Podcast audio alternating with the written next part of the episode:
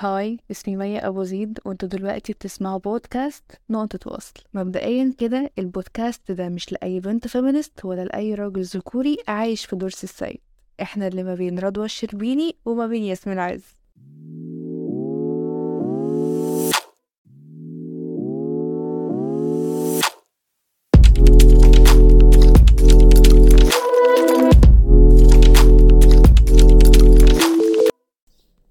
يا مساء الخير أو صباح الخير على حسب الوقت اللي بتسمع فيه البودكاست. موضوعنا النهاردة عن إمتى أعمل control لمشاعري وليه أصلا أعمل control على مشاعري. وده أكتر للراجل في حالة الإفصاح لأن نادرا جدا لما بنت هي اللي بتروح تعترف لولد بحبها ولو حصل بيبقى غالبا تصرف طايش. يعني وكما قالت امرأة حكيمة ذات يوم die before telling a man how you feel يعني بالبلدي كده موتي ولا تعترف الراجل بحبك. ودي مش عنصرية خالص والله دي لأسباب كتيرة جدا محتاجين حلقة لوحدها علشان نتكلم فيها بأريحية وجايز من أهمها إن سيكولوجية الراجل ما تفهمش اعترافك أنت الأول ده الراجل بطبعه صياد يحب هو اللي يرمي الشبكة مش انتي ولو أنت اللي بدأتي كده متعة الصيد راحت عليه فاهمة حاجة؟ المهم نكمل موضوعنا ليه أسيطر أصلا على مشاعري؟ هل أنت عارف الشخص اللي حسيت من ناحيته بحب هل ده حب أصلا؟ هل ده حب حقيقي؟ هل هو حب أخوي صداقة انبهار إعجاب وشوية وهيروحوا لحالهم. هل قدرت تحدد هو أنهي شعور فضولي الأول؟ فرقم واحد كده نتأنى ونصبر. مش نندفع وندخل في الموضوع بدماغنا وخلاص. ادي نفسك الوقت الكافي علشان تحدد وتفهم أنت فين وعايز إيه وإيه تأثير القرار اللي أنت هتاخده من إحساسك عليك وعلى الشخص اللي معاك. خد الفرصة علشان تفهم مشاعرك الحقيقية. فالنهاردة معانا محمد وهيتكلم معانا عن إمتى تعمل control لمشاعرك فيا محمد إحنا النهارده موضوعنا عن إمتى اعمل control وليه أصلا أعمل control والمفروض إن أنت كشاب هتقول لنا انت ليه بتعمل control على مشاعرك أو ليه مش أول ما بتروح بتحس بمشاعر إنك بتحب بنت بتروح تقول لها. هو يا مي والله لو على الأسباب فالأسباب كتير. إحنا هنتكلم عن فروقات طبقية وفروقات اجتماعية وثقافية. أنا الواحد محبب عليه إن هو كل يعني أول ما يحب بنت هيبادر وي- ويعترف لها بحبه إن هو فأنت بتتمنى إنك لما تلاقي الشخص المناسب إنك تبادر وتعترف له بحبك بس اللي بيخليك بيوقفك وبيخليك تعمل control على نفسك. الأسباب اللي أنا قلت لك عليها دي يعني فروقات اجتماعية آه ما بقتش موجودة زي زمان ماشي وهقول لك إحنا في عشرين تلاتة وعشرين بس لأ لسه موجودة و... والواحد بيحاول يحسن من مكانته الاجتماعية والثقافية على قد ما يقدر عشان لما يبقى يعرف نفسه قدام أهل البنت دي أو قدام البنت دي يبقى أهل إن هو يتقبل أو يشرف نفسه بنفسه وياخد وياخد الخطوة دي فعلا. يعني انت يا محمد بالنسبة لك آه، دلوقتي ان انت لازم تكون جاهز ماديا قوي علشان خاطر تروح تتقدم للبنت دي وتبقى قادر بكل طلبات أهلها هو آه أنا شايف إن الشاب اللي اللي هيتقدم بنسبة كبيرة وهو مش جاهز ماديا.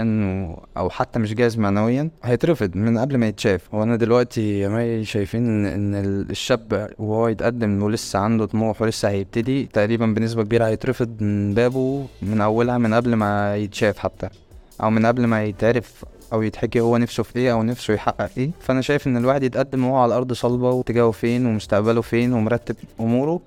على الأقل حتى جاهز بنسبة 50% وده ده ده اللي يعتبر الناس ماشية بيه لكن مفيش حد هيروح ياخد خطوة زي دي وهو لسه على الله زي ما بنقول. أنا بحييك جدا بجد إنك شايف إن أول خطوة للارتباط هي إنك تتقدم مش إنك تعشي بنت بيك على أمل إن أنا يومين تلاتة شهر واتنين سنة وأبقى أحسن وظروفي المادية تتحسن وأجي أتقدم.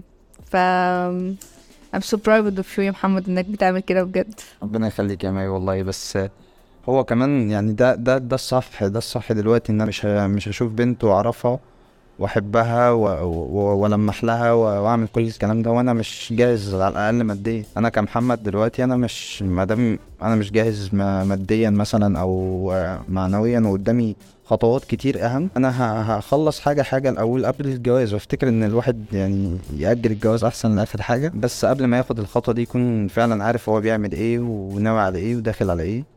عشان الموضوع مش مش بسيط ومش مجرد آه، جواز واتنين بيحبوا بعض وخلاص. لا انت داخل على مسؤولية ولازم تكون أب كويس وتكون جاهز فعلا معنويا أكتر من إن أنت تكون جاهز ماديا. أنا بحييك في ده كمان يا محمد. وكمان في الجواز أنت مش مش بس لازم تكون جاهز معنويا وماديا أنت لازم تكون جاهز كمان إنك تبقى أب. الجواز ده مش مش حاجة قليلة بدليل الجواز ده ناس كتير بتفتكره إن هو يلا ولد وبنت موجودين فقشطة كل شروط الجواز موجودة. وده اللي بيخلي عندنا يحصل طلاق كتير في مصر. يمكن مصر هي من أعلى الدول اللي فيها معدل طلاق أصلا. وعلشان نكون منصفين برضو للشباب وبرضو ما نكونش مع الأهالي قوي إن دلوقتي الأهالي المفروض تكون فاهمة فكرة إن محدش اتولد في بقه معلقه دهب وإن مع التضخم الاقتصادي اللي إحنا فيه في شباب كتير قوي قوي مستواها المادي قل وشباب كتير قوي محتاجة إنها تعمل حاجات كتير ومحتاجة تاخد وقت كتير عشان نتجوز فنسهل الأمور على نفسنا وبلاش جو إنجي بنت الباشا وعلي بن الجنايني ده.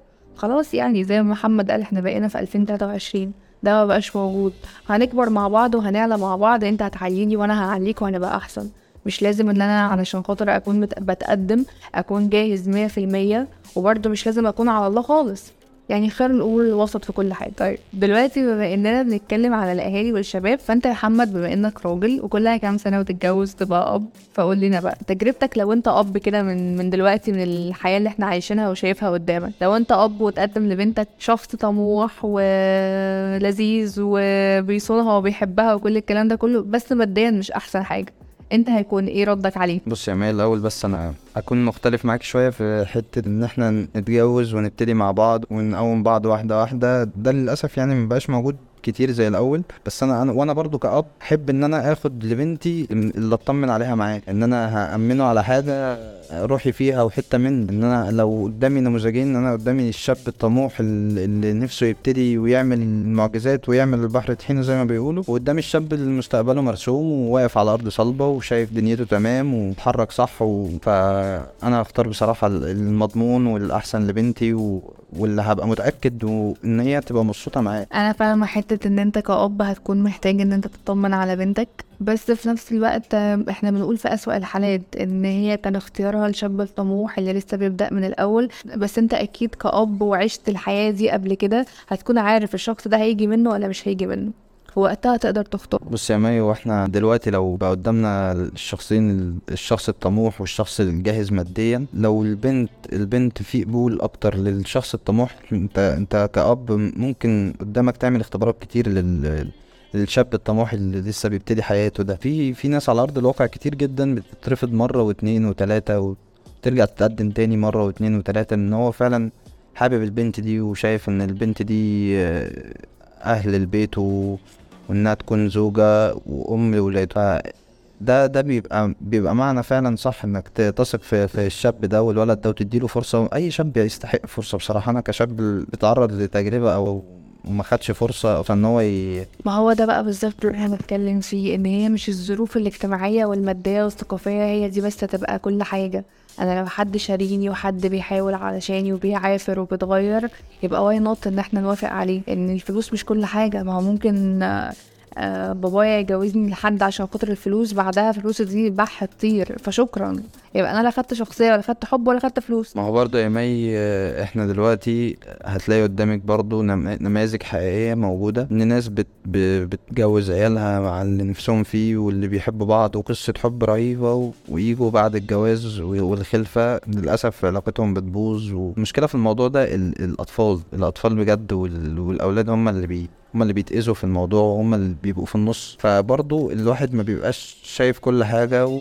وربنا وربنا اللي عارف الخير فين. يعني إحنا ما نعرفش الخير فين بس الأب بيبقى بيحاول إن هو يطمن على على بنته أو يشوف إيه الحاجات الرئيسية ويدور عليها قبل ما يوافق على الشخص اللي بتقدم. أكيد هو حقه يطمن عليها. دي بنته دي هي هي حتة من قلبه. فطبيعي إن هو لازم يطمن عليها. وطبيعي إن إحنا مش هنجوز بناتنا لحد معدوم أو لحد ما عندوش طموح. ما كل ده هيكون بيبان من الأول. كل ده هيكون باين. حتى لو البنت حبها عميها أهلها هيكون فاهمين. أنا بس كل اللي بتكلم فيه إن إحنا ما نسيبش كل حاجة علشان خاطر الفلوس. ما نسيبش ال- الطموح وإن أنا أسيب حد بيحبني وحد شاريني وحد قادر إن هو يحميني في يوم من الأيام علشان واحد بفلوس. بس دي كل الفكرة أنا كنت بتكلم فيها. طيب دلوقتي يا محمد إحنا اتكلمنا عن الأسباب اللا إرادية اللي ممكن تخليك ما تتجوزش البنت اللي أنت بتحبها مثلا أو ما تتقدمش دلوقتي أو ما تسيطر على مشاعرك بسببها.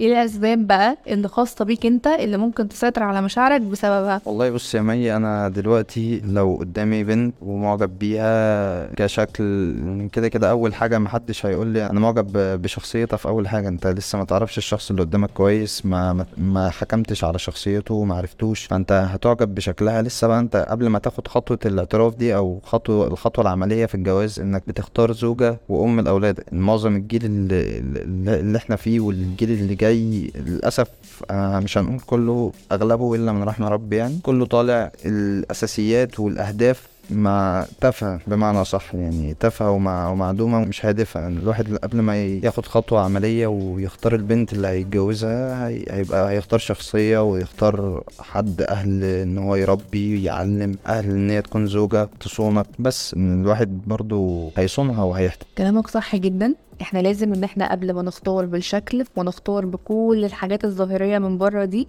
ان أنا نشوف الجوهر من جوه عامل إزاي. ان أنا اختار اب كويس لولادي اختار ام كويسة لولادي بحيث ان إحنا في يوم من الأيام ما نجيش نتسأل من ولادنا إيه العك اللي دخلتوه في حياتنا ده. أنا مش بختار مجرد حد هعيش معاه يوم ولا اتنين ولا تلاتة. أنا بختار دنيا بختار رئيس بيت بختار كل حاجة حلوة هتكمل معايا في بقية حياتي. فلازم الاختيار ده يكون اختيار سليم لازم اختار شخص مسؤول اختار شخص عاقل شخص ذو أهلية شخص ذو مسؤولية مش أي حاجة كده والسلام. وزي ما متفقين من أول حلقة إن الحب حلو قوي بس الحب مش كل حاجة. وفي نهاية كلامنا ودي مني ليكوا يا حبايب قلبي؟ لو أنت مش جاهز وإن مش ده الوقت المناسب ما تقربش ما تلمحش. لأن مش حاجة حلوة ابدا إن أنت تعشم بنت بيك وتركنها جنبك بالسنين وبعدين ما تتجوزهاش. أو تقعد ت flirt على بنت وفي الآخر تقول لها لا ده عادي أنا sweet زفت تكر على دماغك.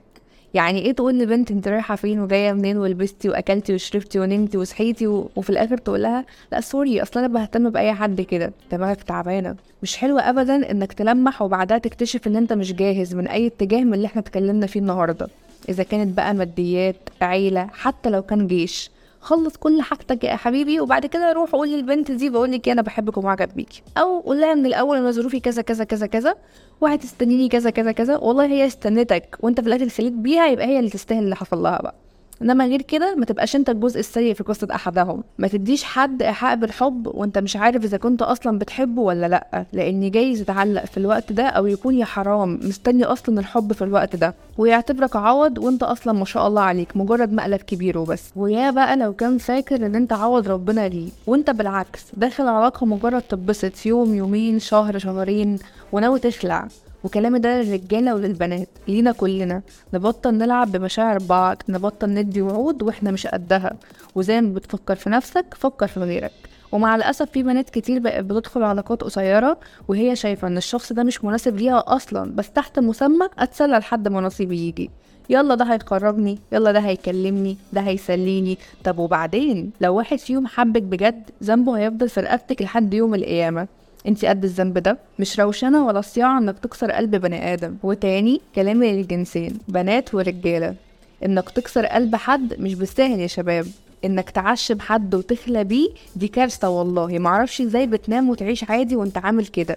مش سهل على بنت انها تفضل تحب في راجل سنة واتنين وتلاتة وبعدين يقول لها سوري مش انت المناسبة ليا. امال السنين اللي فضلت كنت بتعمل إيه يا قلب أمك جامد انت جامد انت كده وانت بتقول لبنت استنيني سنة وهتقدم لك وانت عارف ان انت مش قد اللي بتقوله أو انت أصلا بتقوله وانت عارف ان انت مش تعمله. شايف نفسك انت كده الجامد اللي مفيش من منه منه يا مي اللي مفيش منه اتنين؟ نتحكم في مشاعرنا يا شباب ونعرف إمتى نقول آه وإمتى نقول لأ. وإنتي هبلة مش أي حد معدي يقولك بحبك تصدقي. امسكي نفسك شوية.